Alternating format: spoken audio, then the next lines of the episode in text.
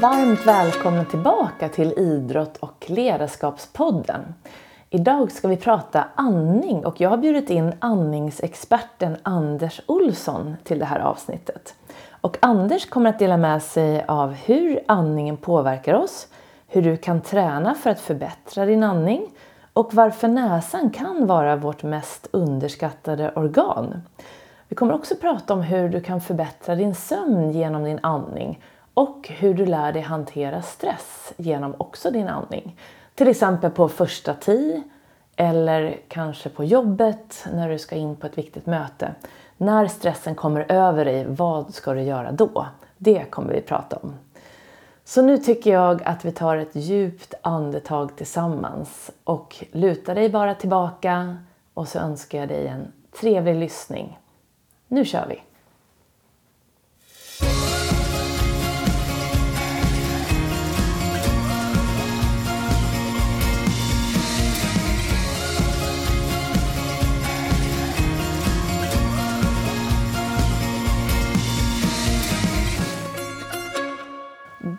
Då är du varmt välkommen tillbaka till Idrott och ledarskapspodden. Och idag är jag mycket glad att få presentera min nästa gäst för dig, nämligen Anders Olsson. Och Anders är andningsexpert och driver och är grundare av företaget Medveten andning. Eh, för tio år sedan så bestämde sig Anders för att bli världens främsta expert inom just andning och sedan dess har tiotusentals människor fått en bättre hälsa och ökad livskvalitet bara genom att göra något till synes så enkelt som att förbättra sin andning. Och det är alltifrån då kursdeltagare, elitidrottare, kunniga läkare och terapeuter som har tränat med Anders och hans andningsprogram. Och idag så kommer vi då prata mer om vilka effekter andningen har på vårt välmående och framförallt hur vi kan göra för att förbättra vår andning. Anders har också skrivit en bok som heter Medveten andning och som jag med stort intresse läste för två år sedan. Och den gav mig ovärderlig kunskap om just andningens effekt på vårt välmående. Varmt välkommen hit Anders! Tack så mycket! Vad kul att vi kunde ses idag här Ja. hos dig i Solna befinner vi oss. Ja, verkligen.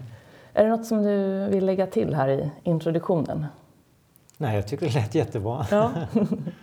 Så det ska bli jättespännande att prata med dig om andning som känns som en nyckel till det här med att må och fungera bra.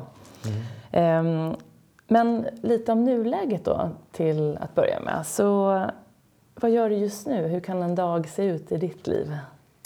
Oj, det där kan variera väldigt mycket. Det är egentligen hela spektrumet. Det kan vara skicka fakturor, bokföra, svara på e-mail till svenska eller engelska kunder. Eh, I morse har jag gjort eh, ett ansiktsbad med kolsyrat vatten för att testa vad som händer på huden när vi tar upp eh, koldioxid. Så då eh, har jag en Sodastream, gör eh, mitt eget kolsyrade vatten, eh, häller i det i en, bunke och så doppar jag ner ansiktet i fem minuter. Eh, idag har jag också varit på Ahlsells. Eh, de säljer eh, produkter inom rör tror jag. Jag är inte så hemma i den världen. Nej. Men det är i alla fall, jag behöver lite dela till en annan produkt Ja. vi håller på att utveckla. Men det här med kolsyrat vatten, vad hände? Har du gjort det förut? Är det någon, någon Jag har gjort det ungefär här? 80 gånger då. Ungefär Ja. 10 minuter per gång. Ja. Och eh, det är ganska spännande faktiskt. Teorin är ju då med koldioxid, för det är ju kolsyrat vatten innehåller koldioxid. Mm. Och när vi andas, då andas många av oss på ett sätt som gör att vi får obalans mellan syre och koldioxid. Vi får in lite för mycket syre för vi andas för snabbt och för stort. Och det är ju då via inandningen som vi tar in syre. Ja. Samtidigt när vi andas ut, då andas vi ut lite för mycket koldioxid. Då sänker vi koldioxidtrycket i kroppen. Och det där är inte bra för koldioxid har jättemånga viktiga effekter i kroppen. Och de, bland de två viktigaste är att eh, koldioxid har en förmåga då att få glatt muskulatur att slappna av och vidgas. Och glatt muskulatur har vi i blodkärlen. Koldioxid kickar också bort syret från blodet. För det är ju, vi andas in syre så tar vi upp det i lungorna, det förs över till blodet. Blodet ska skjutsa runt i kroppen och syresätta då våra muskler, vår hjärna, lever och så vidare. Och då spelar koldioxid en viktig roll där för att, blodet, eh, för att eh, syret ska lämna blodet. Så när jag gör det här ansiktsbadet då, då innebär ju det att jag tar upp eh, koldioxid genom huden och då eh, vidgas blodkärlen så mer blod, mer syre, mer näring kommer till området och blodet på till väg tillbaka då kan ta med sig mer slaggprodukter. Mm. Mm. Så det är faktiskt någonting som används bland annat inom skönhetsindustrin. Då. Jag tänkte på det, nu har vi helt plötsligt ett nytt skönhetstips här. Ja. Slippa krämer och bli rynkfria. jag säger inte att det är så, men min erfarenhet då, jag upplever att min eh, hy är mjuk. Mm. Men jag kan inte säga att jag, det är mm. inte något som är på min radar egentligen att kolla Nej. på det så himla mycket. Men eh, min kollega i USA han upplever då att hans syn har blivit bättre. Mm.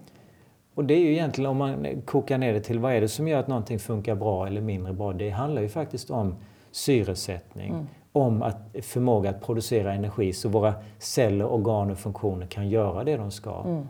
Så det är inte Eh, så, så, svårt egentligen att förstå när man, när man ser det från det perspektivet. För egen del så är det största jag märker att jag eh, eh blir lugnare. För jag kör först 5, 6, 7 minuter med ansiktet och sen så kliver jag upp på en liten pall och doppar ner flinten och kör ytterligare 5, 6, 7 minuter. Och då, eh, pulsen den, den sjunker ju ungefär med fem slag då men det är också så att jag märker ett ökat inre lugn. Mm.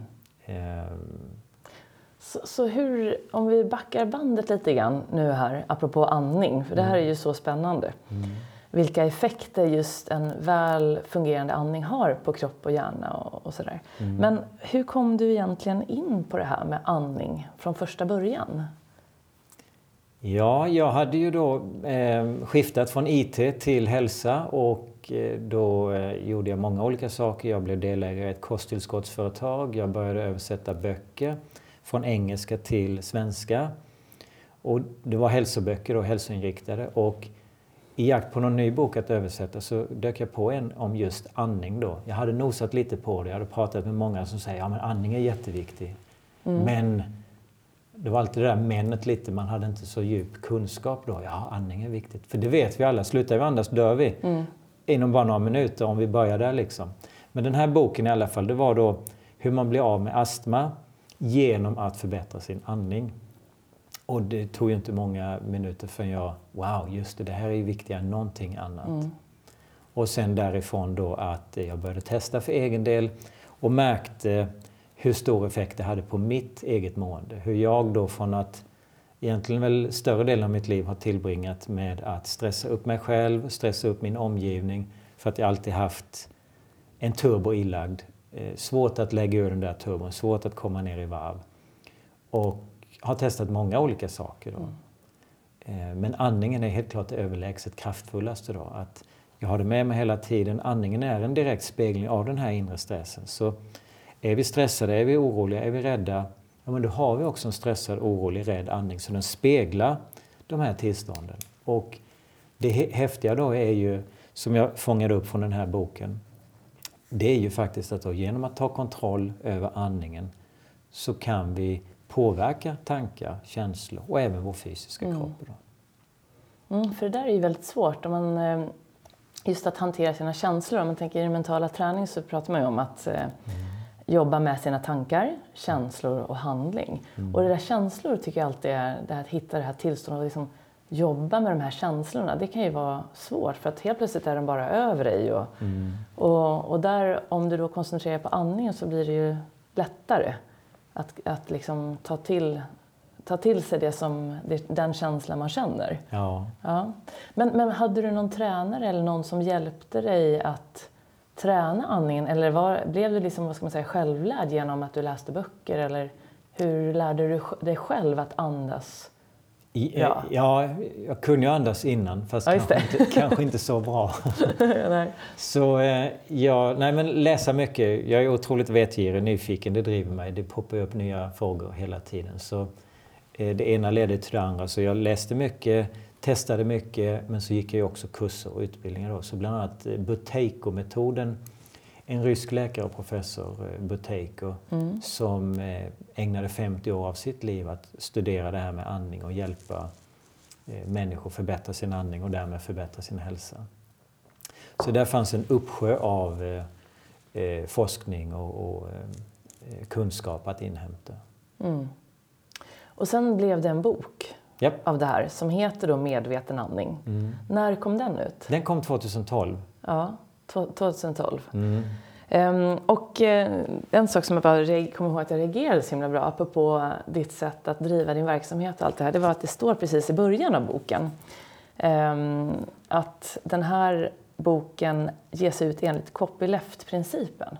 Mm. Och det hade jag aldrig sett för så jag tänkte jag ska bara läsa det. Och det, det betyder då att det, att det här är inte mitt, det här är inte ditt, utan det är fritt. Och därför så uppmanas då läsaren att sprida information till så många som man vill på det sätt som man finner lämpligt.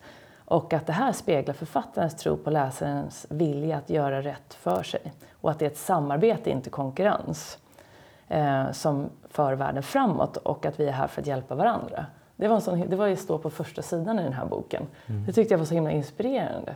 Um, och sen när man går in på din hemsida så upplever jag också att du är väldigt generös med hur man kan liksom jobba med det här själv. Men om du nu skulle få beskriva vad medveten andning är för något?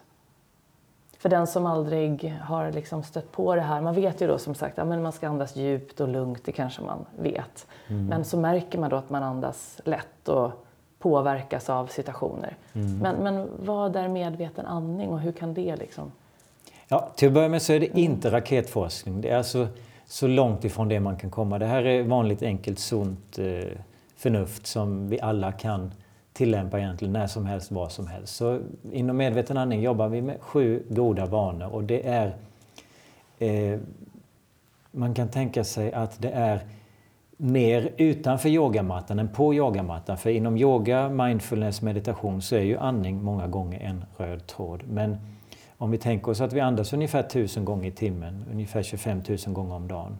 Och att eh, veckan då den har 168 timmar och det är inte så många av dem vi spenderar med att meditera troligtvis, med att göra yoga. Utan det mesta delen gör vi ju utanför de här eh, olika eh, aktiviteterna. Och då är det det som är främsta fokuset för medveten andning. Hur tar jag de här tusen andetagen jag andas varje timme? Finns det utrymme för förbättring? Kan jag förbättra dem? Och hur ska jag i så fall göra? Så en eh, uppsättning då, det här är lite kännetecknet på en försämrad andning.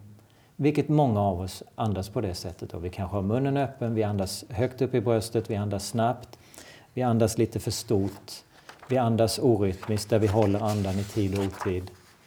Eller att vi gör olika ljud ifrån oss där vi harklar och snorar mm. och sniffar. Mm. Och det, det, det, är egentligen, det som är så enkelt det är egentligen att bara göra tvärtom då. Det här om vi kallar det stressandning, räddandning eller orosandning. Och då är de sju goda vanorna att stänga munnen, andas genom näsan. Att eh, andas långsamt, att andas litet, att andas rytmiskt, att andas tyst, att ha en upprätt hållning. Om vi sjunker ihop, då blir andningen automatiskt eh, högre upp i bröstet. Som sagt, det är inte så svårt, den teoretiska biten. Nej. Det som kan vara utmaningen då är att få till det i praktiken. Då. Men som med allting annat, övning ger färdighet. Mm. Så um, om man nu ska um, börja med, det, det du nämnde här som jag läste också på hemsidan, apropå när du hittade andningen så blev det en väldigt stor förändring. Mm. Och du skapade boken och de här sju principerna. Men det jag läste också var att du märkte när du hade slutat då inom IT-världen, kommit in på hälsovärlden, att du var framgångsrik, du hade nått det här, den här yttre framgången, men du kände att det var en inre framgång som saknades, en form av tomhet. Mm. Och det där tror jag är väldigt vanligt, att man liksom upplever att i alla fall här där vi bor och att man har den här yttre framgången. Det finns allt mm. vi behöver och ändå kan vi känna att vi inte är lyckliga då. Eh, tror du ändå att man behöver uppnå yttre framgång först för att förstå att det är den inre framgången som är den verkliga framgången? Eller tror du att man genom till exempel andning kan komma dit först eller på vägen? Jag tänker så här att vi är ju till stora delar en spegling av vårt samhälle där vi lever och växer upp i. Så vi är ju flockdjur, vi vill ju tillhöra och då gör vi som alla andra ungefär. Vi, barnen imiterar föräldrar och generellt så imiterar vi samhällets normer. Så samhällets normer säger väl till oss idag att vi ska ha yttre framgång. Eh, Och om de förändras så är det tänkbart att vi inte behöver gå den här krokiga omvägen Mm. med att eh, köra eh, halvt ihjäl oss eh, för att köra över vår kropp för att nå det här yttre som ändå visar sig att det är inte där vi hittar full tillfredsställelse. Men det är klart att generellt så är det ju ofta så att vi gör ingen förändring. Vi, vi behöver någon stor stekpanna i huvudet, någon som slår till oss rejält. Vi blir sjuka eller någon i vår omgivning blir sjuka för att vi ska stanna upp, för att vi ska ta tid att reflektera över kanske mer existentiella frågor, att våga titta inåt. Eh, Så frågan är absolut berättigad. Det- är väl som det ser ut nu idag så skulle jag nog säga att det verkar som att det är det vi behöver. Behö- Vi behöver eh, eh, gå igenom något lite tufft eller vi behöver då jaga det här yttre för att ännu mer uppskatta den inre eh, framgången. Ja, vi, för man märker om man själv då har, jag har ju gjort den resan också, inte för att jag har liksom världens yttre framgång, men jag har ju varit då inom näringslivet eh, innan. Jag jobbade som tränare, var inom näringslivet och kom tillbaka som tränare. Och nu när jag då har läst väldigt mycket dina fina böcker, andras böcker, man är liksom, jobbar med som tränare, träffar elever varje dag, så upplever jag ju att eh, jag har en annan förståelse för vad stress gör. Och så ser jag ju det utifrån hos mina elever, hos min familj, eh, hos min syster som är småbarnsmamma. Och då vill man ju så gärna bara säga, men kan, gör, du behöver bara sätta dig ner och andas. Gör det här tio minuter om dagen. Det är så viktigt att stanna upp och vässa sågen. Och, eh, men någonstans så går det aldrig att övertala någon heller, utan det måste komma från den personen. Ja. Ehm, men, men andningen kan ju vara ett väldigt bra sätt ändå tror jag, för det är ju något man ändå gör. Och som du säger, det kan vara svårt att hitta, även om jag säger att okej, vi ska försöka djupandas 10 minuter om dagen. Bara det kan ju bli överväldigande. Men det du sa nu just att inte tänka så mycket kanske på det, utan mer på hur du andas hela tiden. I vardagen? I vardagen. Ja. Att det är ju en väldigt viktig, viktig nyckel tror jag för att Mm. inte få det här extra kravet att okej nu ska jag... Jag tänker på de som då är stressade Mm. istället för att känna kanske att nu måste jag gå på yoga eller nu måste jag Ja, gå. precis. Mm. Utan att du ser det i vardagen. Så, så har du bara redan här ett bra tips om det är någon som sitter nu på sitt kontor och känner sig det kanske kommer ett mejl från chefen. Ah, har du inte lämnat in den här rapporten? Och så blir det liksom stressen kommer. Mm. Ja. Vad kan man göra i ett sånt läge? Andningsankaret kallar jag den då. Som det är helt enkelt att om vi tänker oss, om vi överdriver det hela lite. Vi andas in, då är det ta ett stort andetag in. Det är en aktiv handling. Pulsen stiger, vi aktiverar den sympatiska delen av nervsystemet, det här kamp och flyktsystemet. Eh, vi använder muskler, medan då utandning nu kan vi slappna av, nu är faran över, nu kan vi andas ut ungefär. eh, Och vi sjunker ihop. Det, det är alltså, då sjunker pulsen, vi aktiverar den parasympatiska, alltså lugn och rosystemet. Och det, det är en passiv handling, det är inte muskler som aktivt rör sig. Så det är när vi överdriver de här, men generellt kan vi säga då att det är ändå så att avslappning är kopplat till utandning. Så när vi är lite stressade, när vi är lite uppe i varv, då, då minskar den här längden på utandningen. Eller vi andas in och håller andan och spänner oss och vi glömmer bort att andas ut ungefär. Så det enkla är egentligen då att förlänga utandning lite och så tänker vi samtidigt ett andningsankare. Att vi, vi tar hissen ner från huvudet, ner i kroppen, ner i hjärtat, ner i magen, ner i naveln. Och det här ankaret sjunker och sjunker i takt med varje utandning. Och det kan ofta räcka med tre, fyra förlängda utandningar bara. Och då kan vi antingen till exempel pressa ut luften lite genom sammanpressade läppar eller snöpa åt i halsen lite. Och, Tycker du att, att räkna kan vara en bra idé? För man brukar ju höra andas in kanske på fyra och sen ut på det dubbla. ja, Eller har du någon sån ja men precis. Ja. absolut. Två, tre in. Ska du hålla andan och räkna och sen andas ut, tycker du? Eller? Det, det, det går ju, men, men det optimala tänker jag ändå är att förlänga utandningen. Så Just två, det. tre in, tre, fyra ut och sen två, tre hålla andan efter utandningen. Ja, just det. Att man det håller är där kvar. vi hittar mer avslappning. Det är egentligen i tystnaden. Det är där vi, tror jag, upptäcker eh, nya insikter. Mm. I medyogan finns ju djupandning som, man börjar ju passen med Mm. djupandning och när du ligger ner då så Och det är för att få ner andningen djupt och känna att magtrakten är med. Mm. Och just då eh, är det ju just när du andas in, du reser på magen för att få ner luften djupt ner i magen, fortsätter upp till bröstet och sen när du andas ut. Och när du har andats ut all luft, att stanna där i den där stillheten Mm. tills kroppen själv säger till att den vill andas igen. Och det är som du säger, den stillheten som innefinner sig där Mm. är ju en nyckel till väldigt mycket. Det är där du på något sätt, upplever jag i alla fall, du stannar upp och verkligen känner att andningen Mm. lugnar ner sig. Ja. Det är som någon sorts vakuum nästan. Tiden kan stå stilla ibland kan man uppleva det som. På mina pass brukar jag ju få, folk brukar få räkna sina andetag innan man börjar med djupandningen. Och sen gör man det i 6-10 minuter kanske. Och sen efter får de räkna igen. Bara, I alla fall första gången när de är där. Och då är det ju väldigt stor skillnad på hur många andetag man tar. Sen ligger man ju ner så det blir ju lättare. Så det är Ja. en utmaning att göra det.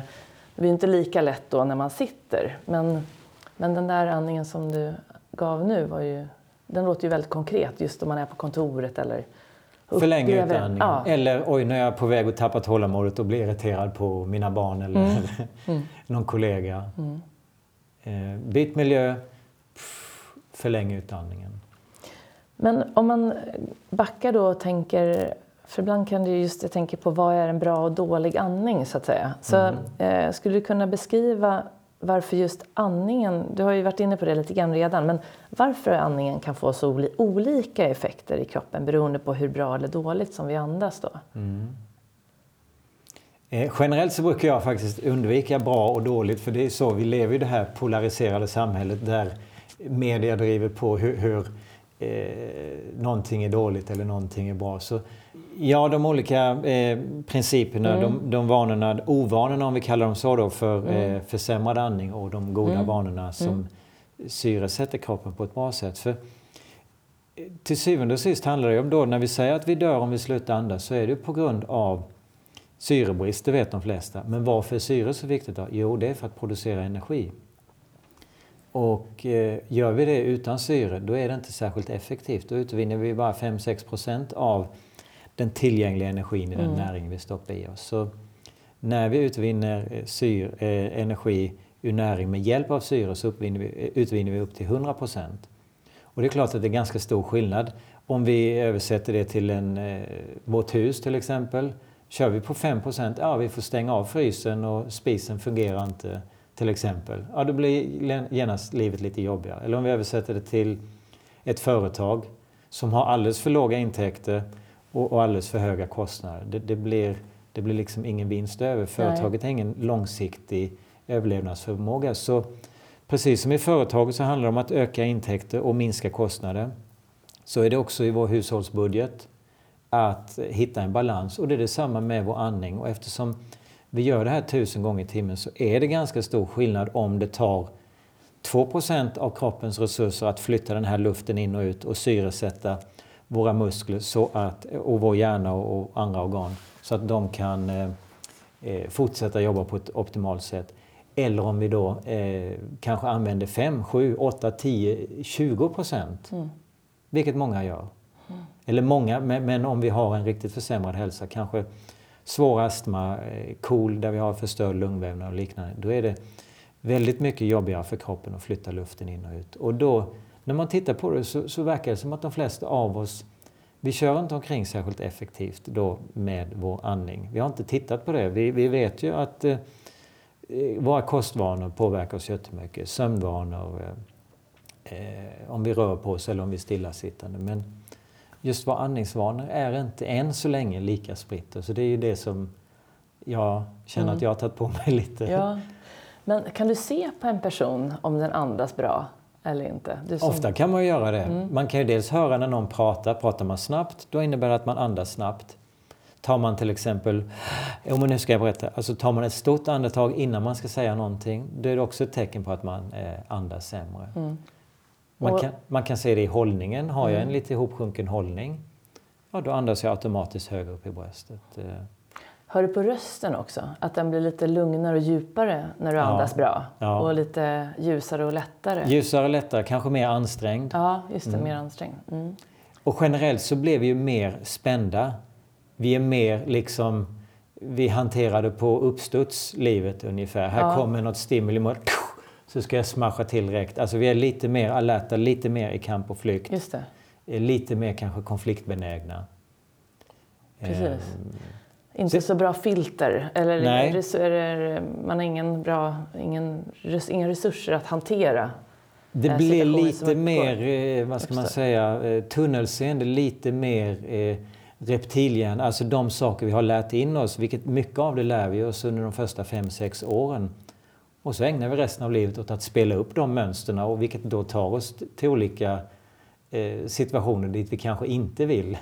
Vi önskar inte det med vårt medvetna sinne men undermedvetet har vi program som, som tar oss då i kanske motsatt riktning. Och att koda om det här i systemet då upplever jag då att vi kan göra på ett bra sätt med vår andning. Mm. Att lugna ner andningen, öppna upp från tunnelseende till vidvinkel. Alltså det, det ger oss möjligheter då att, som i mitt fall då, eh, mycket stress, mycket rädsla och mycket oro. Eh, och, och så har jag hanterat större delen av mitt liv då, inkommande stimuli som kommer mot mig Mm. utifrån det som jag har lärt in mig. Men med hjälp av andningen då så har det öppnat upp ett fönster av möjlighet att, att faktiskt reagera annorlunda. Att inte vara slav under någon trycker på en knapp, jaha, nu ska jag reagera med ilska eller med att bli stressad eller eh, orolig. Utan helt plötsligt då uppleva en större frihetskänsla faktiskt att vänta nu. Här har jag nu helt plötsligt köpt mig vad det nu är, en millisekund eller en halv sekund eller vad det är. Som gör att jag då kan fundera på, är det så här jag ska reagera? Vill jag reagera så eller vill jag reagera på något annat Just sätt? Och när vi gör någonting tillräckligt ofta, då, då ändrar vi ju. Då har jag ju helt plötsligt kodat om. Så när någon trycker på den här knappen efter ett tag som tidigare genererade ilska så genererar den någonting annat. Mm. Så precis, att man pratar mycket om hjärnan idag, apropå stress och så. Och Ja. som att den gamla hjärnan då, eller reptilhjärnan, att den Ja. är ju, går ju igång då när vi, tror, när vi blir rädda och vi, ska, vi tror att vi ska fly eller kämpa. Mm. Ja. Men skulle du kunna säga så att när vi andas bättre så får ju hjärnan mer syre så att du får tillgång till en större del av hjärnan så att du även kommer fram och kan använda den främre delen av hjärnan som är den nyare delen. Där du också har de här möjligheterna till att fatta bättre beslut. Alltså man blir mer kreativ när du får hela. Kan, skulle du kunna beskriva det så? Så skulle man kunna beskriva det. Man skulle också kunna beskriva det. Vi har reptilhjärnan, sitter i hjärnstammen. Då sitter ju överlevnadsfunktioner inklusive andningen. Och ett, ett sätt att se på det, det är att eh, det finns ju någonstans någon kodning. Reptilhjärnan är ju inte där för att eh, spela jäkel med oss utan den är ju där för att säkerställa vår överlevnad och då har vi tolkat in olika saker att det här är optimalt för min överlevnad. Då finns det ju någon kodning någonstans. Är det då, här kommer det här stimulit, då är det kodat som red alert. Det är eh, livsviktigt. Det, det är, vi måste reagera på det här sättet för att överleva. Eh, en teori jag har då är att eh, andningen bidrar väldigt mycket eh, för att koda de här sakerna. För när vi upplever någonting så förändras vår andning och ju större trauma vi upplever desto sämre blir andningen. Och då förändras bland annat de här koldioxidnivåerna.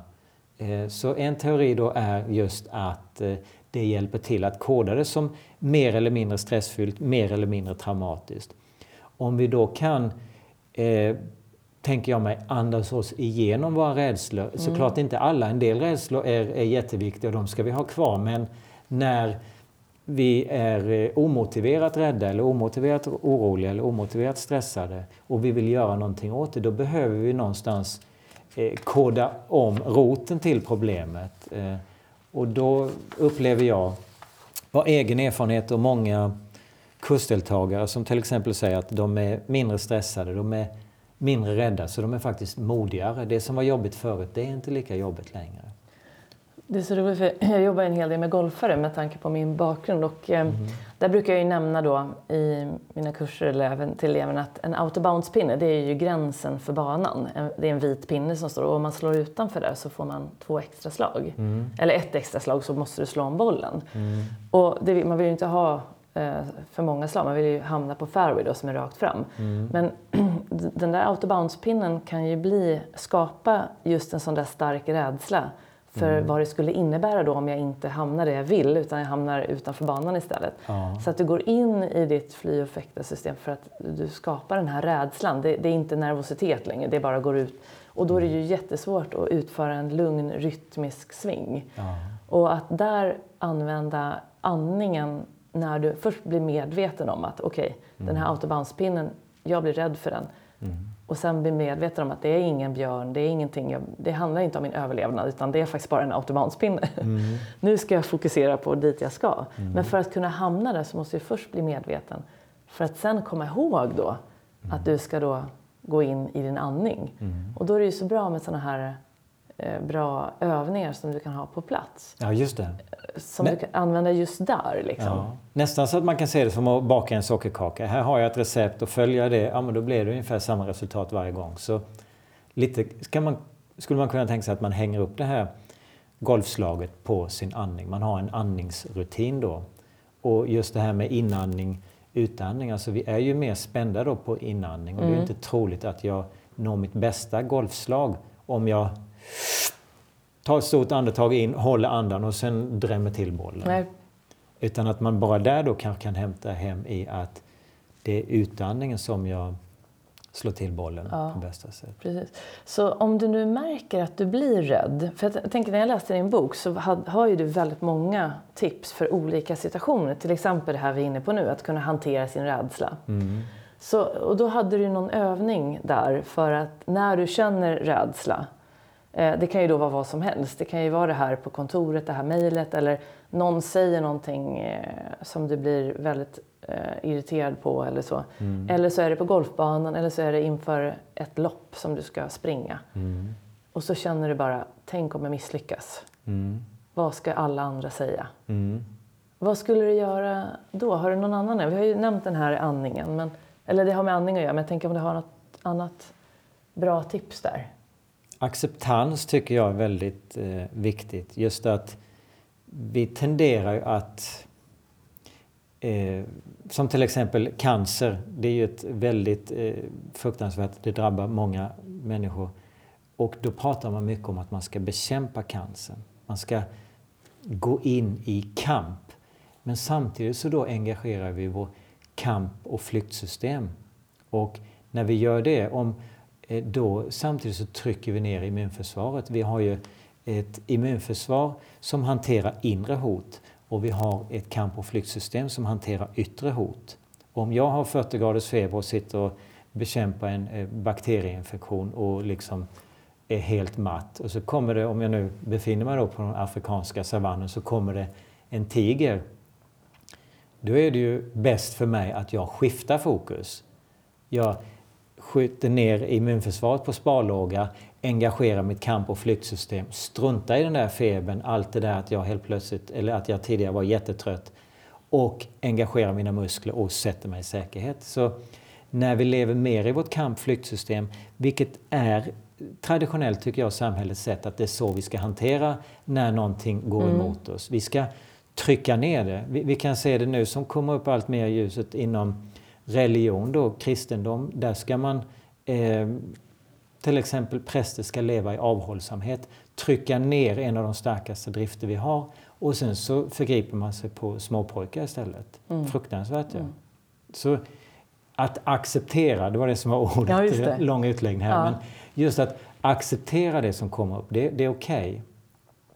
Att börja där, att Mm. inte då istället, nej, det där ska jag kämpa emot. Då blir vi automatiskt lite mer spända. Och, och, nej, jag tror helt enkelt inte på det. Utan som då får jag en cancerdiagnos att i ett första läge, när man har gått igenom allt det här jobbiga som det säkert ju medför, att just acceptera där jag befinner mig. För att därifrån, det är en helt annan plattform att starta ifrån jämfört med att starta från kamp och flykt.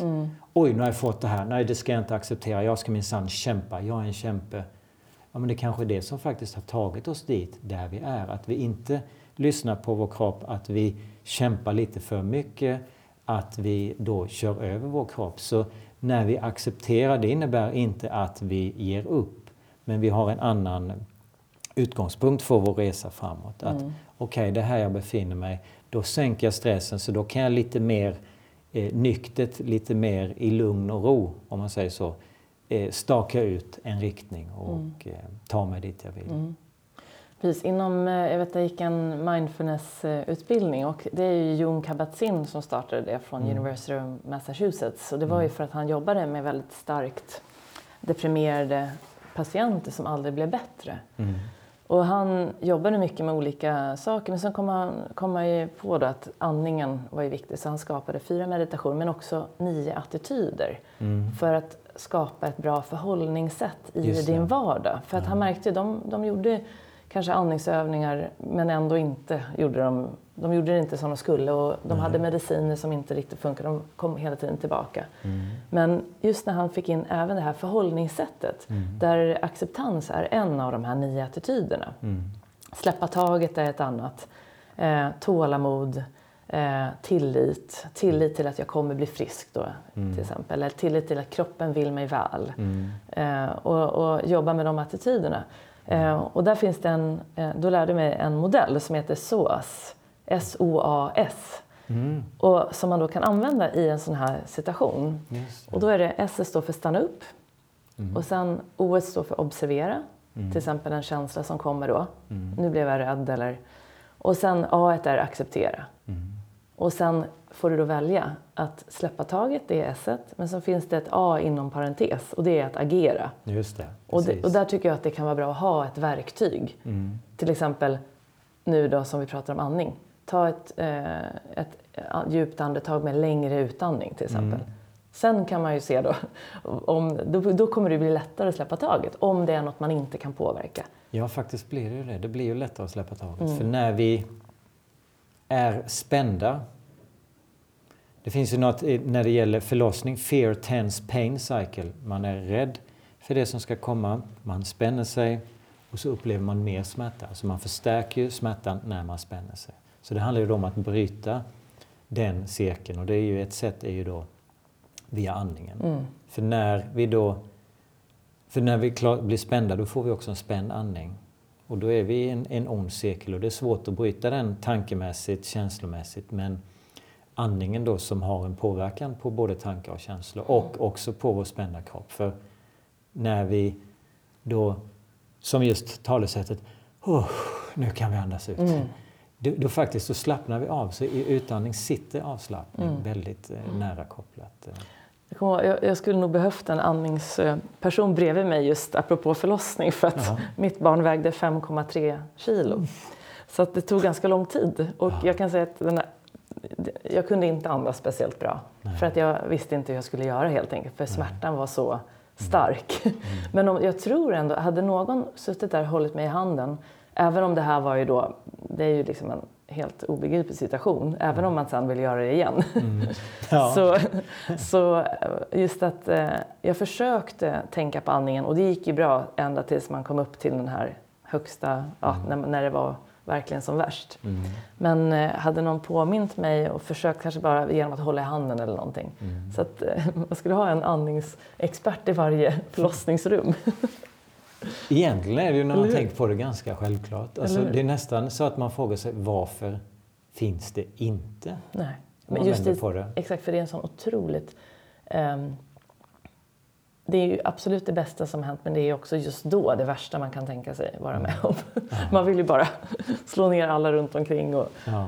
nej, men det är ju faktiskt... Ja, Det är en del kvinnor som har använt den här relaxator och andningstränare Ja, med så. framgång när de har under barn. själva förlossningen? Ja. Ja.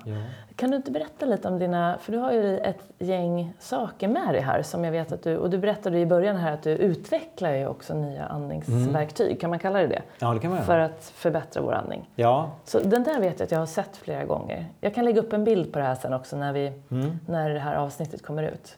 En eh, attityd eller någonting som jag mö- möter ofta det är ju att ja, men hallå, andningen är ju naturlig, den ska vi sköta sig själv. Ja, det. ja, det är sant. Men vi lever i ett samhälle också som inte är helt naturligt. Det är artificiellt på många sätt. Ju. Någonstans så är vi ju en del av naturen. Vi är födda ut i naturen men vi lever ofta ganska långt ifrån naturen. Och vi kanske lever i olika möteskorridorer ungefär eller eh, på jakt eh, mellan ena aktiviteten till nästa. Så den här är faktiskt berättigad relaxator andningstränare då, som Mm. ger ett motstånd på utandning. Och Ah. När jag fick en sån här i min hand första gången tyckte jag det var jättelöjligt. Jag tyckte att varför ska man ha en sån? Och särskilt jag, för jag vet ju hur man ska andas minsann. Mm. Men efter ett halvår när jag väl stoppade den i munnen så upptäckte jag att den gjorde jättestor nytta. Och när använder du den? Jag använder den särskilt framför eh, datorn. När jag koncentrerar mig, när jag studerar, när jag eh, kommer på nya idéer. Eh, I bilen eh, använder jag den också. Eh, framför TVn. Alltså olika situationer i vardagen. Där Där, ja, nej, där, där jag kan då eh, uppleva att jag har en tendens att hålla andan, att sluta andas Mm. eh, rytmiskt. Eh, Då hjälper den mig att bibehålla en långsam eh, andning som är låg, alltså där vi använder diafragman. Där den också är rytmisk. Då. Jag tänkte precis säga det, för det, jag kan ju märka det när jag sitter, just att om man nu skulle observera en dag, Mm. när är min andning god och lugn och när är den inte det? Då, då vet jag oftast vilka situationer det är. Mm. Ja, Det är vid lämning på morgonen, Ja. när man har tid att passa. ja, Och sen precis som du säger, när, när jag sitter och kanske jobbar, förbereder någonting eller eh, märker att jag blir lite extra koncentrerad, det kanske kommer in någon orostanke sådär. Mm. Eh, Så då kan man då ha en sån där bredvid sig och i förebyggande syfte så att man håller Ja, men också om du tänker dig hjärnan fungerar, den, den hanterar ju väldigt mycket av det som pågår och någonstans av vår totala syreförbrukning. Hjärnan utgör 2% av kroppsvikten men den tar hand om ungefär 20% av vår totala syreförbrukning. Just Så det. det är lätt att föreställa sig, om jag håller andan då berövar jag hjärnan en del av syret och sen så i nästa sekund då, då tvingas jag ju kompensera så då börjar jag andas snabbare. Det är ungefär som att köra bil. Ena sekunden har vi foten på bromsen och nästa foten på gasen. Så håller vi på sådär. Mm. Det, det är inte särskilt eh, bra kan jag tänka mig att hjärnan inte tycker. Så då får vi lite mer av den här popcornhjärnan tror jag. Så vi blir lite mer, eh, om det är, ja men nu ska jag verkligen koncentrera mig, fokusera och göra någonting. Den möjligheten då, den uthålligheten blir, är min upplevelse, den blir mindre då Mm. när vi har en försämrad andning. Vilket är ganska logiskt, för vi syresätter hjärnan lite sämre. Mm. Ehm, Sen kanske vi klarar det där för att vi har massa viljestyrka och så, men det är ändå det kortsiktiga verktyget. Över tiden så eh, har vi det mesta att hämta hem på en effektiv andning tror jag. Mm. Då.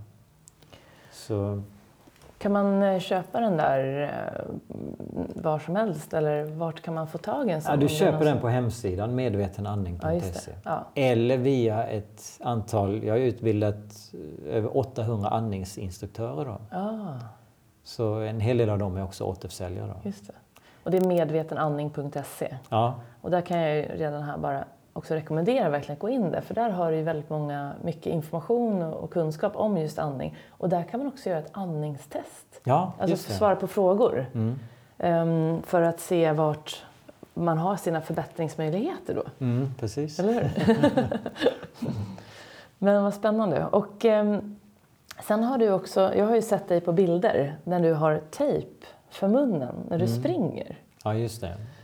Det är det lite vet- mer för att väcka uppmärksamhet. Eh, Alltså, Ja. När jag är ute och joggar till vardags, då, då har jag ingen tejp över munnen. Men Nej. jag har sprungit eh, några lopp och då har jag ju kört det med silvertejp då, som ska se lite extra, eh, väcka lite extra uppmärksamhet. Mm. Så det är helt enkelt bara för att eh, få folk att fundera och stanna upp och fundera kring hur de andas när de gör olika typer av fysisk aktivitet. För många har ju inte tänkt på det faktiskt.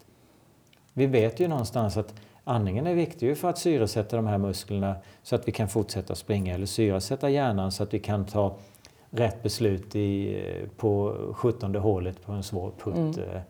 eh, eh, Men om man ställer sig nästa fråga, tränar du någonting aktivt på det då? Så är det nästan inga idrottare som gör det Nej. faktiskt. Så eh, det är ju syftet då när jag har, jag körde något halvmaraton här för några år sedan eh, med silvertejp över munnen då till exempel. Eh, för att eh, få folk att, stanna upp och fundera. Så Mm. det var en marknadsföringsgrej då. Men jag har ju faktiskt tagit fram en tejp, eh, sleep tape heter den då, som jag rekommenderar man ska använda när man sover. Och det här är ju så otroligt intressant eftersom om vi tittar då utifrån ett prestationsperspektiv, om det är på jobbet eller om det är inom idrotten, så är ju återhämtning extremt viktig. Mm. De flesta till exempel på elitnivå, att, att eh, träna mer, lägga in fler träningstimmar, det är inga större problem. De är så otroligt motiverade. Mm. Men det största man kan eh, eh, hämta hem då många gånger, det är ju att eh, då effektivisera återhämtningen. Mm. Och när vi till exempel tränar hårt, då är risken mycket större att vi får en sämre sömn. faktiskt. Och Eh, då får vi inte den här återhämtningen. Och det återigen, om man tänker sig det här med att känna igen mönster, förstå orsak och verkan. En stor del till att vi behöver sova, det är faktiskt för att hjärnan på dagtid, den matas ju med en massa stimuli. Då finns det inte tid för, om man säger reflektion, eh, eh, utan det, mycket av det som sker på natten, då är det som på hårddisken när man kallar man defragmenterar, man flyttar filer, sorterar in dem i olika mappar eller vi städar vårt hus och lägger knivarna på sitt ställe där de ska vara. Så kanske vi kommer på att aha, vi kan göra på ett effektivare och bättre sätt. Vi, vi lägger de här istället tillsammans med gafflarna. Mm. Ehm, så, så, håller hjärnan på mycket då under sömnen som stor anledning till att vi behöver sova. Och får vi inte då den här djupa kvalitetssömnen då, eh, då hamnar vi inte där. Så då ser vi inte så mycket de här, det större perspektivet, helhetsbilden. Eh, vi får inte förmågan att sätta samman lika många orsak och verkan, mönster. vi, vi utvecklas inte på samma sätt. Mm. Så då i alla fall när vi sover med öppen mun, då är det som att vi hyperventilerar. Vi alltså får en obalans mellan syre och koldioxid, vilket mm. faktiskt gör att vi berövar kroppen en del av det livsviktiga syret, vilket gör att hjärnan blir lite mer kamp och flykttillstånd, vilket gör då att vi inte får samma djupsömn. Inte kan då kategorisera, sortera och organisera på samma sätt. Så en studie jag var med på faktiskt, det var en banbrytande studie i höstas på Stanford i USA. Mm. Eh, aldrig gjort tidigare vad jag vet då. Och då eh, fick vi alltså under tio dagar blocka för vår näsa så vi bara gick omkring och andades genom munnen. Det var ganska jobbigt faktiskt. Oj, hur länge sa du? Tio ja. dygn. Åh oh, herregud, bara genom munnen? Ja. Och då mätte vi en hel mängd saker, ett helt eh, batteri av olika saker. Bland annat då så filmade vi vår sömn och vi mätte också ljudet när vi sov.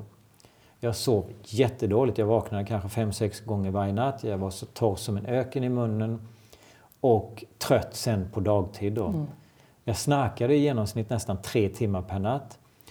Såg man då i den här eh, appen då, som vi hade då, som spelade in ljudet. Och sen då efter de här tio dagarna, då slet vi ut den här skiten ur näsan. Det var jätteskönt. Mm. Och sen då skulle vi göra tio dagar av medveten andning. Ja. Och när man tittar på den här eh, snarkappen då så är det ju det är helt fascinerande. Här ser man de här höga staplarna. En eh, snarkpoäng eh, får man i det här programmet, den var i genomsnitt 50. Mm. Och sen när vi då eh, tog ut det här ur näsan och istället då tejpade munnen på natten, det var som att vända en hand. Staplarna är helt osynliga, inget ljud i princip överhuvudtaget. Och liksom första natten jag vaknade upp då när jag hade då istället för blockad näsa och munandning istället då hade tejpad mun och näsandning. Alltså det var ju, ja. jag, det var ju helt euforiskt. Jag, ja. jag kunde inte sluta le, jag kunde inte sluta sjunga. Det, det var liksom så, så mycket energi, en sån härlig känsla. Så det blev extremt tydlig skillnad. Men det var också då ju att vi kunde faktiskt fånga upp det. Videokameran visade hur man låg och vände och vred på sig hela natten. Ja, eh, och ljudet som vi tog upp då visade ju hur mycket ljud vi gjorde ifrån oss. Låg man mer stilla också när ni andades med eh, bara näsan? Ja, ja. Då var det mer stilla? Ja. Liksom. Ja. ja. Och det, det, är jättelogiskt om man mm. tänker, för det, det, är många som, föräldrar som har barn som kan uppleva det. Åh, mitt barn far och flyger i sängen hela natten. Är som en helikopter. om man då tittar på det från ett andningsperspektiv så är det mycket möjligt att man ser att barnet har munnen öppen. För vad som händer då Munandning i vila innebär då obalans mellan syre och koldioxid så vi alltså ökar utflödet av koldioxid för vi andas mer när vi andas genom munnen i vila. Mm. Och då när vi sänker koldioxidtrycket och vi har insett att det är jätteviktigt bland annat för att vidga blodkärlen då ju. Ofta så ser vi bara koldioxid eh, traditionellt utifrån eh, sjukvårdens kunskap som en slaggprodukt som bara ska ut ur kroppen så fort som möjligt. Ja, jag, jag tycker att det är så långt från sanning man kan komma. Det är precis tvärtom. Det är grunden för vår hälsa. Och då är det logiskt att förstå varför jag rör på mig. För kroppen då, den vill ju prioritera ett optimalt koldioxidtryck. Och när jag då andas genom munnen vid vila, sänker koldioxidtrycket för att jag andas ut för mycket. Vad gör kroppen då? Jo, då eh, börjar vi röra på oss. För att eh, när vi rör på oss, då ökar ämnesomsättningen. Vi rör en muskel, då behöver den mer energi. Då är det mer näring och syre som omvandlas till energi. Men i den här processen så tillverkas också koldioxid. Det är därför vi andas, nu när vi sitter ner så här, då andas vi ganska så lugn frekvens. Men om vi är ute och springer till exempel, då andas vi mycket mer. Och anledningen till det, det är för att vi tillverkar mer koldioxid. Mm. För det är koldioxid då som styr andningen. Koldioxid påverkar andningscentrum. Mm. Så helt plötsligt har vi en förklaringsmodell till varför eh, människor är, rör på sig jättemycket när de sover. Och det är också tänkbart att vi har en, en stor del en förklaring till varför barn får ADHD-diagnos och har svårt att sitta still på dagtid. Men jobbar du med, jag tänker barn då, som, då tänker jag att men de andas ju naturligt för de är så små. De har ju inte, i alla fall om de är väldigt små. Men kan du se att det är då, har man sett att det kan vara kopplat till stress då? Att de på något sätt, eh, när de får i sig, blir, alltså möter stress, att det märks direkt på att de kanske andas då med munnen mer öppen? Eller är det, kan det vara normalt också att barn ibland andas med öppen mun och rör på sig för att sen gå in och andas beroende på vilken, vilken del av sömnen de är i så att säga? Eller ska man försöka få alla barn att, så att säga, andas med näsan? Ja, det skulle jag vilja säga. Mm. Jo. Men ska man då ha ett, då, har- då vet du, du sa så här sleep tape. Ja, Det känns ju väldigt obehagligt, jag har fortfarande inte provat det. nej. För att man, jag får någon form av känsla av att, du vet, att man inte kan andas då. Mm, jo, det är ganska så vanligt. Att det blir psykolo- en psykologisk. Ja, Men är det en, en lite mindre tejp då som du sätter på innan du somnar på kvällen? ja För att precis. ta, bort på morgonen? Det är det som är Ja, träningen? så Mm. gör man. Ja. Och jag brukar säga då, lite kanske halvt på skoj men halvt på allvar också, att om man har den här panikkänslan, då betyder det troligtvis att man behöver då lite att i det som skrämmer oss mest, där har vi den största eh, potentialen till att utvecklas. Mm. Eh, Kan barn också använda tejp? Ja, absolut. Mm. Det, det, ju, det kommer ju an på individen, men framförallt så handlar det om till barn. De gör ju inte som vi säger, de gör ju som vi gör. Så det behöver ju börja med oss vuxna och det är ju inte strategin att yes, nu har mitt lilla barn somnat, nu ska jag trycka dit en tejp. Nej, utan precis. att man gör det lekfullt, att Ja. få dem att bli nyfikna. Att, men vad gör du mamma? Eller vad gör du pappa? Eh, att man eh, låter dem se den här tejpen då. Eh, att man följer, eller att, att man leder och så kan de följa. För det är ju så de gör. De, de verkligen imiterar ju våra Mm. beteenden. Så när vi idag har många barn som eh, andas genom munnen så är det ju faktiskt för att de imiterar oss vuxna. Mm, just det. Men eh, och när du då, eh, blir det så att du lär dig efter ett tag så att du inte behöver ha den där längre? Eller behöver du oftast gå tillbaka och fortsätta träna andningen? Ja, det där är ju en fråga jag får ofta. Va? Menar du att jag ska jag tejpa resten av mitt liv? Eh, Just det. Och så börjar man inte då. Och då, jag önskar jag kunde säga att nej, nej, men gör det en vecka och sen är det klart resten av livet. Men det verkar inte som att det är riktigt så. Det, det verkar som att det är mer en färskvara. Ungefär som träning. Mm. Jag har ingen större nytta av om jag gick på gymmet eh, för tio år sedan idag.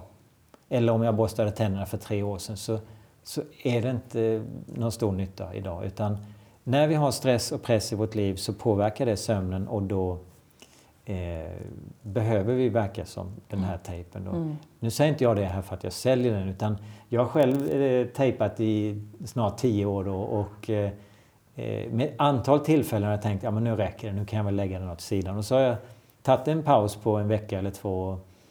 Men så kände jag nej, jag vill faktiskt återkomma till det. Mm. Och det här med näsandning, det är jag ju så nyfiken på. För att när jag gick min utbildning inom medicinsk yoga, så, eh, det är ju med Göran Boll då, på Mm. Medicinska yogainstitutet. Och eh, då hade jag problem att sova. Jag hade Mm. Haft en jobbig period och hade problem att sova. Och då tänkte jag, då frågade jag så här, men är det någon av de här övningarna som är bra för sömn? Och då hade de ett sömnprogram. Och då sa mm. Anders då, som var instruktören just då, han sa då att andas med vänster näsborre gör programmet men framförallt andas med vänster näsborre. Mm. För det aktiverar ditt lugn och ro-system. Mm. Och jag hade Göran Boll med i den här podden och mm. frågade också om det. Mm. För jag är ju alltid intresserad av att veta om det finns forskning på det. För jag mm. får oftast den frågan själv. Mm. Istället för bara nu ska du andas med vänster näsborre så vet man liksom inte varför. Nej. Då berättar han att det finns forskning, att det finns en mekanism i den vänstra näsborren som då har kopplingar till vårt lugn och ro-system. Har du också den erfarenheten om man tänker just skillnaden mellan vänster och höger näsborre? Ja, det har jag. Jag, skulle vilja säga som så att näsan är troligtvis det mest underskattade organ vi har. Att det finns en lateral koppling då alltså. Om, eh, då finns det studier som visar om, om vi går ner i en kolgruva och så, så tejpar vi för höger näsborre eh, och andas bara in genom vänster näsborre då kommer det här dammet i kolgruvan, vi andas in genom vänster näsborre, det kommer lägga sig i höger lunga. Mm. Och då har vi ändå liksom en, en snorkel här, kanske på 20 cm, där bara luften färdas. Så det är nästan så att man inte kan fatta hur är den mekanismen som gör då att dammet går från vänster näsborre till höger lunga. Men, så det finns en lateral koppling och då kan vi också se vänster och höger ja, hjärnhalva. Precis, för där är ju höger styr vänster del av kroppen. Ja, precis. Och vänster, ja. ja. Så det finns ju en växelvis koppling näsan. Man har tittat på olika studier man har sett att en del har ingen koppling, en del, alltså där, där kroppen skiftar då mellan att andas in genom vänster respektive andas in genom höger näsborre. Där alltså vi har svällkroppar i näsan då som växer respektive eh, förminskas då enligt den här cykeln. Och det kan variera från att en del har ingen sån här skiftning, en del har ungefär en gång i halvtimmen upp till kanske en del har varannan timme. Men i alla fall, då innebär det att vi skiftar mellan att aktivera mer av höger hjärnhalva respektive mer av vänster hjärnhalva enligt den här laterala kopplingen. Så när vi har svårt att sova, då är det tänkbart att vi är mer i vänster hjärnhalva. Analys, eh, tankar, problem, vad hände igår, vad ska hända imorgon, ja. oro. Medan då höger hjärnhalva anses ju vara mer helhetsbild. Eh, så då när vi andas in genom vänster näsborre så aktiverar vi då mer av mm. höger hjärnhalva. Och det var så intressant för att när jag blev uppmärksam på just det där så märkte jag ju, så hade jag svårt att somna, så lyssnade jag då också på det här sömnprogrammet då ja. för att fortsätta lugna. Jag började med vänster näsborre. Mm. Sen vaknade jag till när det här programmet eh, var slut, liksom senare på natten och hade orostankar eh, ändå. Det här var, jag tror det var precis när jag hade börjat, för sen hjälpte det här verkligen. Ja, Men just ja. den, då märkte jag att då var jag täppt i vänster näsborre. Mm. Alltså att jag andades med höger. Ja, och då tänkte jag på det, gud nu är det ju verkligen min vänstra hjärnhalva som mm. jobbar. Och att jag vaknade upp för att jag hade massa orostankar eller ja, tankar på vad jag skulle göra här nu. Mm. Jag hade ett, en grej som jag var lite stressad för. Ja, och då var, kände jag också att det var täppt det. i den vänstra. Ja. Så då blev det så här, men gud. Ja, att det stämmer. Att det stämde, jag fick det bekräftat. Och det man kan göra med då är att om man ligger på sidan mm. så är det så att den näsborre som ligger närmast kudden, den blir täppt då. Så då kan man ju lägga sig på eh, höger sida, då, höger om du vill så ha öppnar man upp vänster näsborre. Just det. det sa ju Mikael Asp då, som är Sveriges första världsrekordhållare i djupdykning. Han var också med i podden här i höstas. Ja. Samtidigt som samma säsong som Göran Boll. Och då pratade han om dig, att han hade tränat andning med mm, dig inför sitt världsrekord och under den perioden. Ja. Och just det här att han la sig på höger och då kunde han till och med till slut bara tänka att han skulle andas. Mm. För att rikta fokus då på den vänstra. Han behövde liksom inte tappa för, Nej. utan att det gick precis. när han hade tränat upp det. Ja. Tankens kraft. Ja, precis. och ändå den här fysiska effekten som det blir. Det är det som är så fascinerande. Att, mm. Mm. Och, och, sen så tycker jag att det är väldigt eh, bra med konkreta exempel på vad man kan göra.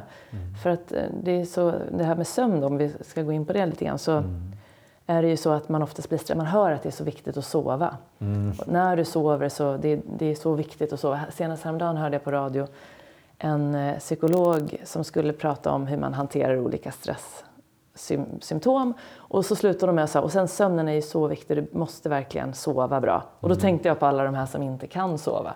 Och då att blir det ännu mer stress. Ja. för så var det för mig, att jag verkligen ja. kunde inte inte sova för att jag var stressad för att jag inte skulle sova. Ja. Och då var det så skönt att ha de här verktygen. Mm. Vänster näsborre, sen inom medyogan finns det olika stretchövningar eller olika rörelser mm. du kan göra som också släpper på spänningar i områden. Ländryggen, mm. eh, baksida lår. Precis. Och sen att göra nackrullningar. Mm. Och så det är också skönt att göra övningar Ja. För att det påverkar ju eh, hela det här parasympatiska nervsystemet, eller lugnet. Det påverkar det och man har också någonting att hänga upp det på. Så ja. att vi lämnar inte hela ansvaret till hjärnan Nej. att uh, komma på lösningar utan uh, vi engagerar andra delar. Uh. Ja, och bara nu ska jag göra de här övningarna ja. och så gör det ingenting om jag inte somnar. Nej. Kroppen vilar och den, den, jag, jag pratade faktiskt med en sömndoktor på Uppsala Akademiska.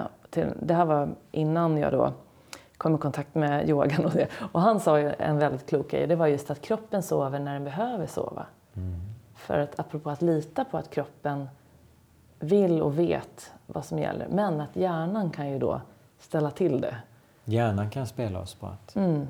Så att andningen är väl den bästa kopplingen för att få ihop kropp och sinne och börja rikta uppmärksamheten mot kroppen, vilket är andningen. Ja. alltså, så finns det ett antal, eh, antal saker som påverkar sömnen. Eh, som till exempel när jag har testat nu under snart ett år med den här Snark-appen då. Eh, det är ju jättekul att testa men då ser jag att alkohol, jättetydligt. Och det är ju en klassiker att man börjar snarka när man har druckit alkohol. Mm. Snarkning innebär ju faktiskt, det är som att köra bil med handbromsen lite åtdragen. Det är alltså, snarkljudet uppstår ju när det är trång passage i luftvägarna. Vilket innebär att det blir svårare för luften att passera. Vilket innebär då att andningen blir ytligare. Och då tvingas vi kompensera för den är inte särskilt effektiv. Och då andas vi snabbare. Så alkohol mm. är en del som då eh, gör helt enkelt att de här musklerna i halsen, de slappnar av för mycket. Det är en anledning tror jag till att vi dricker alkohol. Vi är spända, vi är spända i huvudet, i tankarna, alltså i mm. känslorna och vi är spända i vår kropp fysiskt. Dricker vi alkohol så slappnar vi av på alla plan. Men dricker vi lite för mycket då, då slappnar vi av för mycket i musklerna, bland annat i halsen då. Det är det som är anledningen till att vi snarkar. Ah. Så alkohol är en klassiker för försämrad sömn. Att äta för sent, att äta för mycket, att träna för hårt, ehm, stress och press på jobbet. Egentligen bara sunt förnuft, men det är jättetydligt att se i en snark-app då när jag helt plötsligt ser att oj, här har jag börjat göra en massa ljud ifrån mig på natten jämfört med när jag då har eh, tagit hand om mig själv. Skräpmat, eh, eh, socker, mm. snabbmat är också en, en tydlig eh, försämrare av sömn. Så man ska inte, när eh, är sista, alltså hur lång tid innan man går och lägger sig är sista tiden man bör äta tycker du? Ja, till att börja med så är vi alla unika individer. Det, det, är ju det här med vi pratar med stress då. Vad mm. funkar i min verklighet? Det. Mm. det. är ju viktigt att ha med sig. Men min uppfattning är väl i alla fall eh, inte senare än tre timmar då, innan jag går och lägger mig. Ja, just det. Och längden på sömnen. Hur tycker du att, att det är bra att man säger en viss tid som man ska sova? Eller ska man mer rikta in det mot antal, djupsömn, antal timmar djupsömn? Jag upplever att för egen del så får jag bättre sömn om jag eh, känner mig mer utvilad när jag vaknar om jag eh, lägger mig senast klockan tio då. Mm. Just det. Eh, det upplever jag som mer viktigare än om jag lägger mig klockan ett och får eh, åtta timmar. Mm. Men generellt verkar det ju som att i dagens samhälle, det är lite coolt att ja, du vet, jag behöver bara fem timmar sömn per natt. Mm. Att vi ska vara lite supermänniskor. Mm. Mm. Som återigen kanske då faktiskt kör över vår kropp, kör över våra eh, starka mm. drifter och behov som vi har. Mm. Så så om vi lämnar sömnen och pratar lite grann om det här med att prestera på topp och må bra på vägen. Mm. För att eh, när man jobbar med idrottare och mycket ledare som jag gör så är ju prestation en väldigt stor mm. del av deras liv och har oftast också varit det. Mm. Ehm, man vill prestera, man jobbar stenhårt för det och man har jättetydliga målbilder. Mm. Men det är också väldigt lätt att välmåendet har tagit stryk på vägen. Och Mm. någon, förr eller senare så märker jag att de kommer på det. Mm. Eller de flesta gör det, när det är något som inte fungerar. Så att Mm. man, det fungerar, fungerar, fungerar och sen helt plötsligt så är det något som inte fungerar. Man kanske avslutar sin idrottskarriär eller Mm. ja, någonting händer. Ehm, och ehm, när man då ska prestera på topp och må bra på vägen så tänker jag nu att då är ju andningen en väldigt stark nyckel. Mm. Eh, för att när du då får syre i kroppen så kommer kroppen prestera bättre. Plus att den fungerar bättre och mår bättre. Så om du nu står här nu, vi, vi kan ta en speciell situation. Vi har en, en golfare det igen då, Mm. som ska tävla, Mm. som har tränat jättemycket Mm. inför en just en specifik tävling. Mm. Och bara där kan det bli väldigt stort fokus på tävlingen. Så att har man jobbat med målbilder bra så kanske man har jobbat med mer tillstånd och sådana saker. Men, men det kan ju ändå skapa rätt mycket stress när man väl står där på första Ja. tid. Du kanske har tränat i ett år Mm. för just den här tävlingen. Ja. Och när jag gjorde den resan utan att ha tränat mentalt och utan Mm. att ha tränat på andning så gjorde jag precis det och då var det ett kval för Europatouren. Mm. Och jag tyckte att jag var jätteväl förberedd, hade tränat teknik och fys och allting. Mm. Stod på första tio och när jag skulle ta, eh, ta vattenflaskan från min pappa som var caddy så skakade min hand. Mm. Och det enda jag kunde se var träd Jaha. och inte fairway. Nej. Så det tillståndet var ju väldigt svårt att hantera. Då förstår jag ju att du måste träna långsiktigt innan dess. Mm. Men, men om du nu märker att du har tränat bra, men så ökar den här pressen. Vad, vad skulle du göra då, just i den situationen? Ja, ett enkelt välfungerande tips det är ju bara att, att gå till andningen. Då. Det kan ju användas både som det här långsiktiga då, att tanken att ja, men jag ska ta fler och fler av de här tusen andetagen per timme enligt de här sju goda vanorna. Mm. I ett långsiktigt perspektiv för att förebygga, bibehålla god energi, bra sömn och god hälsa. Men man kan ju också använda det i det kortsiktiga då. Att nu är jag stressad, nu är jag uppe i varv, okej. Förlänga utandningen, andningsankare. Mm. Och, och du sa någonting förut att man skulle baka sitt recept. Eller Ja. baka en kaka så att man har ett recept. Att det, här, Ja. det kan man ju träna på då. Ja. När det här händer, då ska jag göra det här. Ja, nej men eller hur. Du säger att du hade förberett dig och hade tränat på Mm. Ja. massa olika sätt. Men om man då eh, bakar in andningen som en del i det här träningsreceptet. Eh, just att din dagliga träning, att den innefattar då eh, andning också då ju. Mm. Till exempel baka ett recept. Att om man tänker sig, jag, jag ser det som att våra tankar och känslor, ja men de surfar på andetaget. Kvaliteten på vår andning styr kvaliteten på våra tankar och våra känslor. Så innan en astmaattack, innan en panikångestattack, då, har, då kan vi redan se här en timme innan, Mm. då är det någonting som har triggat igång en rädsla, oro eller någon allergisk reaktion kanske, som förändrar min andning. Och så fortsätter den att bli sämre och sämre och sämre. Vi bland annat då sänker koldioxidtrycket, syresätter hjärnan sämre eller eh, den här glatta muskulaturen då som dras ihop av ett sänkt koldioxidtryck som finns i blodkärl, den finns också i luftvägar. Mm. Och då eh, på samma sätt så drar luftvägarna ihop sig och då kan vi få en astmaattack. Så innan den här, eh, när du stod där på T eh, och skulle slå ut och såg bara träd och var jättestressad, Ja. så är det tänkbart att någonstans här tidigare så började din andning försämras och försämras och försämras. Just det, och oftast startar det med en tanke på framtiden. Alltså typ, Ja. tänk om jag misslyckas Ja, idag. ja. Tänk om det blir över hundra slag. Ja, Förmodligen, nu när jag tänkte bara, jag har ju tänkt på det här mycket då, för att jag Ja. har ju det här med i min bok också, som handlar just om att få in mental träning även hos golfare som gärna. Kanske fastnar lite på ranchen eller på, i Mm. sin, eh, den andra träningen.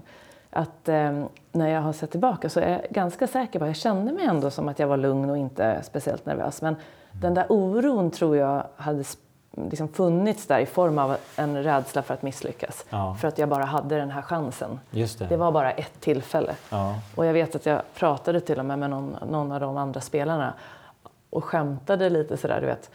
Ja, bara det inte blir hundra slag i alla fall, ungefär. mm. Men det handlade ju om att jag var ju orolig och Ja. tänkte det kan nog bli det. ja.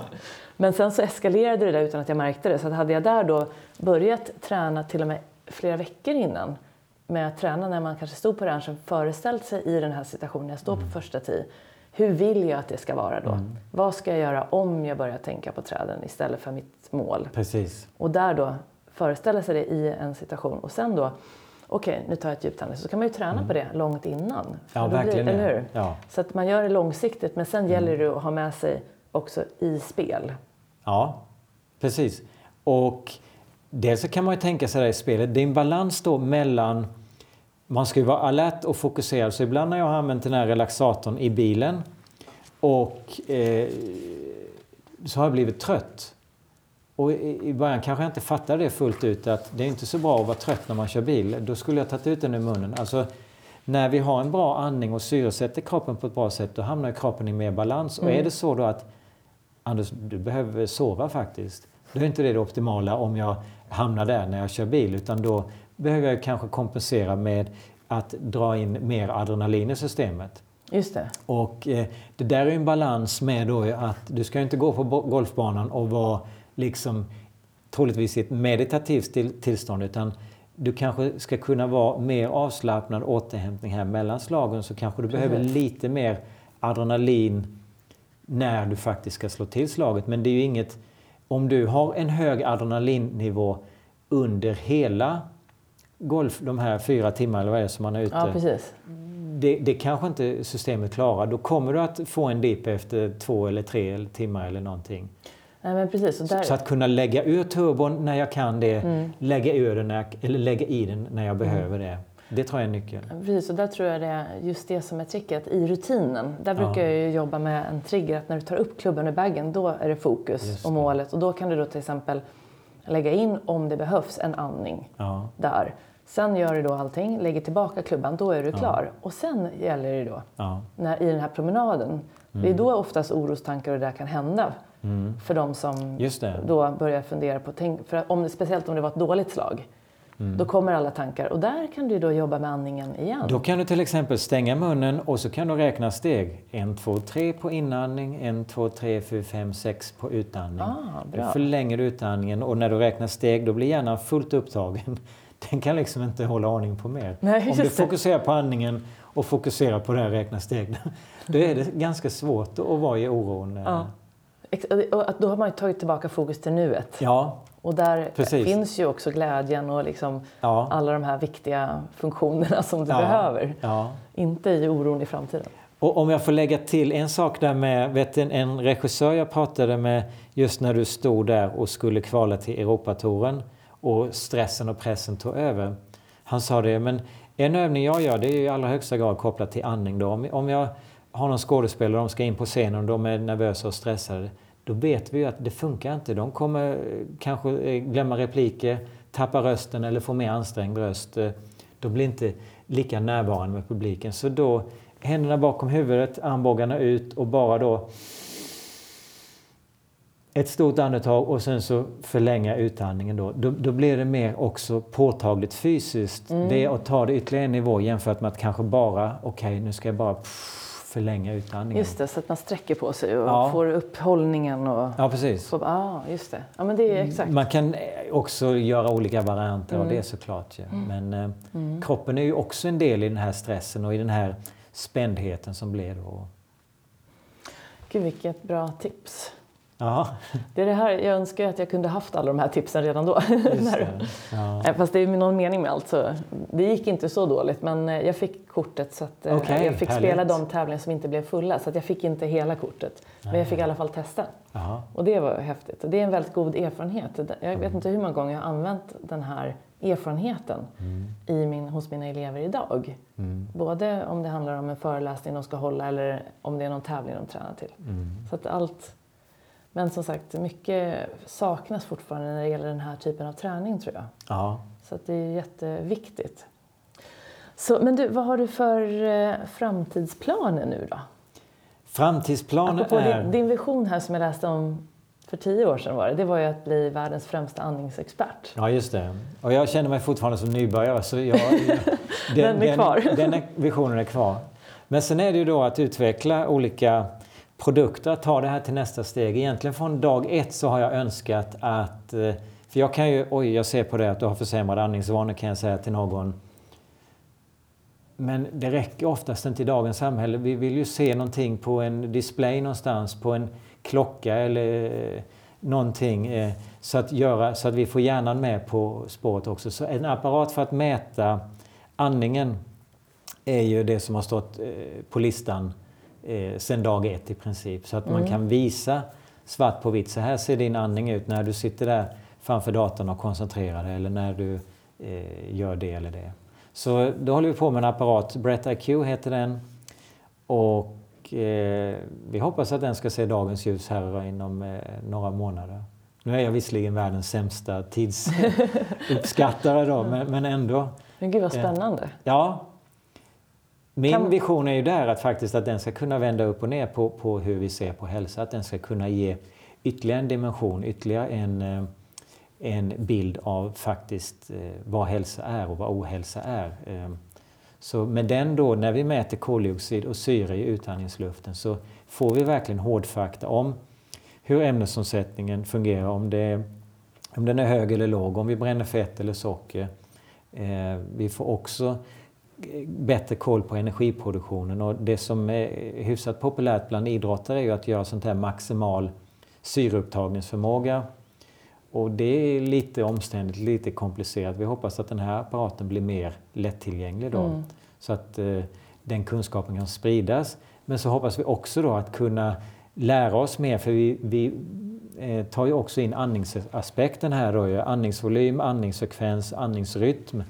Som ofta är lite förbisett. Så när man väger ihop de här sakerna så hoppas vi kunna komma fram till nya formler. Om det idag heter eh, VO2 max för att mäta maximal syreupptagningsförmåga. Eh, kanske CO2 max, alltså det är koldioxidförkortning då, för att mäta, få ytterligare ah. kunskap. Då. Eh, det. Så det, det, är förhoppningen med den apparaten. Eh, så det är jättespännande. Så vi är ju ett team på 15 personer världen över. Då, så eh, visionen framåt är ju då att fortsätta utveckla nya produkter. Det är en produkt, vi har ytterligare flera produkter. Mm. Bland annat ett, eh, en, eh, ungefär som en dykardräkt. Man kliver in i den, stänger till och sen så fyller man den med koldioxid och så tar vi upp koldioxid genom huden. Och då förbättrar vi blodcirkulationen, vilket många av oss har behov av. Då. Det är som det här badet med när du doppar den i ansiktet precis. fast du har dräkten så att det blir ja. på hela kroppen. Ja, precis. Och då är det ah. inte vatten i dräkten Nej, utan då precis. är det bara ren koldioxid. Det. Men det vågar vi inte ha vid ansiktet om det skulle hända någon Nej, olycka att, att ha ren koldioxid där. Så då bakar vi in koldioxiden i vatten. Då. Mm, just det, eh. precis. Ja. Så eh, att fortsätta utvecklas då och inte minst för egen del att fortsätta utbilda mig och att fortsätta utveckla också de kurser som jag håller då. Och det här kan man läsa om på din hemsida? Ja. Den här utvecklingen på medveten andning? Ja, jag har ju ett nyhetsbrev där då som ah. Ehm, eh, informerar om, om nyheter. Och den kan man anmäla sig till om man blir nyfiken? Ja, absolut. Ja. Ja. Via hemsidan? Ja, ja. och det, det, kommer ut fyra, fem, sex gånger om året så det är inte så att man blir alldeles eh, översvämmad med e-mail. Okej, okay, ja, men det är ju bra att veta. Ja. Då är det risk att man inte läser det när det blir för mycket. Ja, det kan vara så. Mm. Men du, jag brukar alltid avsluta den här podden med att fråga eh, om du fick välja tre saker att säga till den som lyssnar, mm. kopplat till det området som vi har pratat om såklart, då, som just nu drömmer om en förändring. Man kanske känner igen sig när jag är stressad och känner mig liksom tom och jag, jag, vill närma mig den här inre framgången. Eller man kanske vill bli en stor ledare och må bra på vägen eller bli idrottsproffs, hitta sitt drömjobb. Mm. Vad skulle du säga då? Dina tre saker? Ett, det är ju då att eh, bli mer medveten om din andning för att kunna se kopplingar. Se kopplingar mellan när du är stressad och hur din andning är. Då. Se att det troligtvis, högst troligtvis finns ett samband. Två, att tejpa munnen på natten för att säkerställa alla de här liksom 6, 7, 8, 9 timmar vi sover. Det är ju jäkligt mycket och alla de andetag vi tar då eh, tar de eh, oss i en bra riktning där vi syresätter kroppen bra så att vi får återhämtning eller har vi en stressandning när vi sover så att vi inte får en optimal återhämtning. Och tre, att göra fysisk aktivitet med stängd mun. Ja, vilka konkreta bra tips. Det där, det där ska jag testa nu. Jag försökte springa med munnen stängd. Då hade jag inte temp, tejp. Nej, nej Och och det var måste ju- man inte ha. Absolut inte. Nej, nej, då kan man köra det. Ja, Då bara har man munnen stängd. Ja. Och det var ju, jag kunde göra det ett tag, men det, jag antar att det är en vana. Det var inte så svårt som jag trodde. Nej, för en del är det jättesvårt, för en Ja. Mm. del är det lite enklare. Det beror på lite. Om man är mer där man tränar mer högintensivt, då är det ofta så att andningen är det första som försämras. Det är Mm. mycket prestationen och då är det att man andas kraftfullt och mycket med munnen och då kan det vara svårare. Men eh, Men om man känner att man är... Det finns ju de som säger att de har liksom trånga näsgångar och inte kan andas så väl med näsan. ja, Vad gör man då?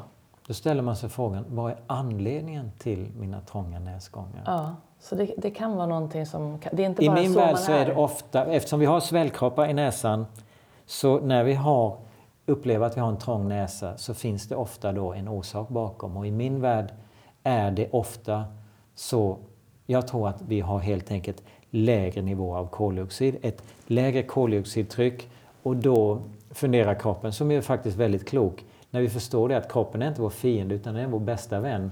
Den vill ju faktiskt hjäl- hjälpa oss. Eh, Så när den signalerar smärta eller någonting, någon obalans, då, då vill ju den tala om för oss att vi behöver göra någonting annorlunda här. Så när vi har ett lägre koldioxidtryck, då vill ju kroppen öka det koldioxidtrycket. Och ett sätt då, eftersom vi nästan förlorar all koldioxid via utandningen, det är ju då att täppa till luftvägarna och vi kanske får en astmadiagnos, alltså att göra dem trängre för att behålla mer koldioxid i kroppen. Ett annat sätt då är att eh, öka de här svällkropparna, att skapa en trängre näsa. Så det är jättemånga människor som har då varit beroende i åravis av eh, eh nässpray till exempel, mm för att de har haft en tät näsa. Och som helt plötsligt då, när de har förstått hur det fungerar, balans mellan syre och koldioxid, sakta ner andningen, tillämpa de här goda vanorna, så har de helt plötsligt då eh, fått en friare näsa.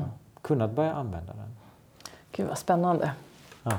Jag ska lägga upp eh, några bilder på det här och sen så eh, en länk också till din eh, hemsida där man kan läsa mer. Jag satt ju och blev, kom verkligen in i allt du hade skrivit om det här vi har pratat om lite mer djupgående då med koldioxid och balansen mellan syre och koldioxid. Som jag inte var alls lika medveten om Nej. innan jag läste din bok och innan jag har pratat med dig nu också. Så det Nej. var ju fantastiskt att få de här, eh, den här inspirationen och den här fina kunskapen utav dig. Mm, tack. Är det någonting du vill lägga till nu innan vi avslutar? Nej, andas lugnt. Just det, andas lugnt. Jag har suttit här och tänkt på andningen hela... Okej. Nej, inte riktigt. Men jag, jag brukar tycka det är skönt att lägga handen ibland på magen. Ja, Det påminner mig om att känna att jag har liksom en, en, en lugn, Just djup det. andning. Jo, får jag lägga till en sak till? Ja. Nyligen lanserade vad jag kallar då andningsminuten och då anmälde man sig på hemsidan för att andas tillsammans. Mhm. Så då var vi, eh, det var 449 personer som anmälde sig och så kopplade vi upp oss och under 5-10 minuter andas vi tillsammans. Då, då börjar man med att eh, först acceptera allt det här eh, flödet i hjärnan som vi alla har och sen så tänker man då eh, på sin andning och flyttar fokus ner i kroppen, ner till naveln. Och sen så tänker man goda tankar om sig själv och sen goda tankar om eh, varandra. Jättepopulärt, så det kommer att bli, en, det kommer att bli nu igen eh, på söndag och det kommer att fortgå då och eh, det där är någonting man kan göra Men inom familjen innan, innan eh, man eh, ska äta middag till exempel eller i omklädningsrummet innan man ska ut. Det skapar en samhörighet då, en, en tillhörighet, det som Just vi det. egentligen alla vill tror jag. Vi vill tillhöra den här flocken. Ja, och om man nu vill vara med på det här, Mm. är det också någonting som... Vart hittar man information?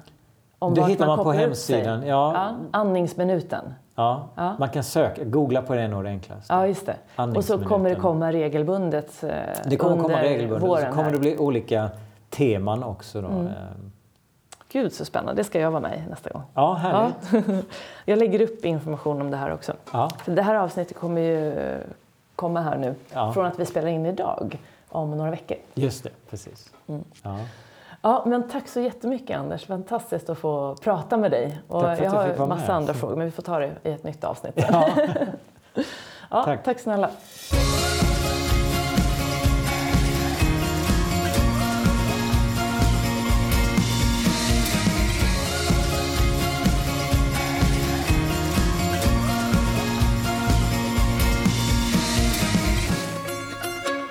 Då har du fått lyssna till mitt och Anders Olssons samtal och jag hoppas att du har fått med dig en massa bra tips och råd som du kan ta med dig nu in i din egen vardag. Och jag hoppas också att du kan vara med i andningsminuten som Anders pratar om, där vi alla kan samlas och andas tillsammans och tänka goda tankar om varandra under 10 minuter. Och information om det här då finns på hemsidan medvetenandning.se. Så in och eh, registrera dig där och på den här hemsidan kan du också då lära dig mycket mer om andningen och gå in kanske lite djupare på de här områdena som Anders pratar om idag. Och vill du veta mer om mig så kan du som vanligt gå in på jennyhagman.com och du kan alltid där också ställa frågor eller höra av dig vad gäller träning. Och ett sista tips. Vill du stärka din hållning så har jag sex riktigt bra övningar för det i min bok Stolt, stark och säker eller på min hemsida trainforbalance.com. Där finns de inspelade. Så jobba med din hållning, därmed kan du också förbättra din andning. Samtidigt som du då såklart jobbar med andningen hela tiden. Så nu tar vi ett djupt andetag tillsammans och eh, så ses vi nästa vecka igen. Varmt välkommen då och ta hand om dig till dess. Hejdå!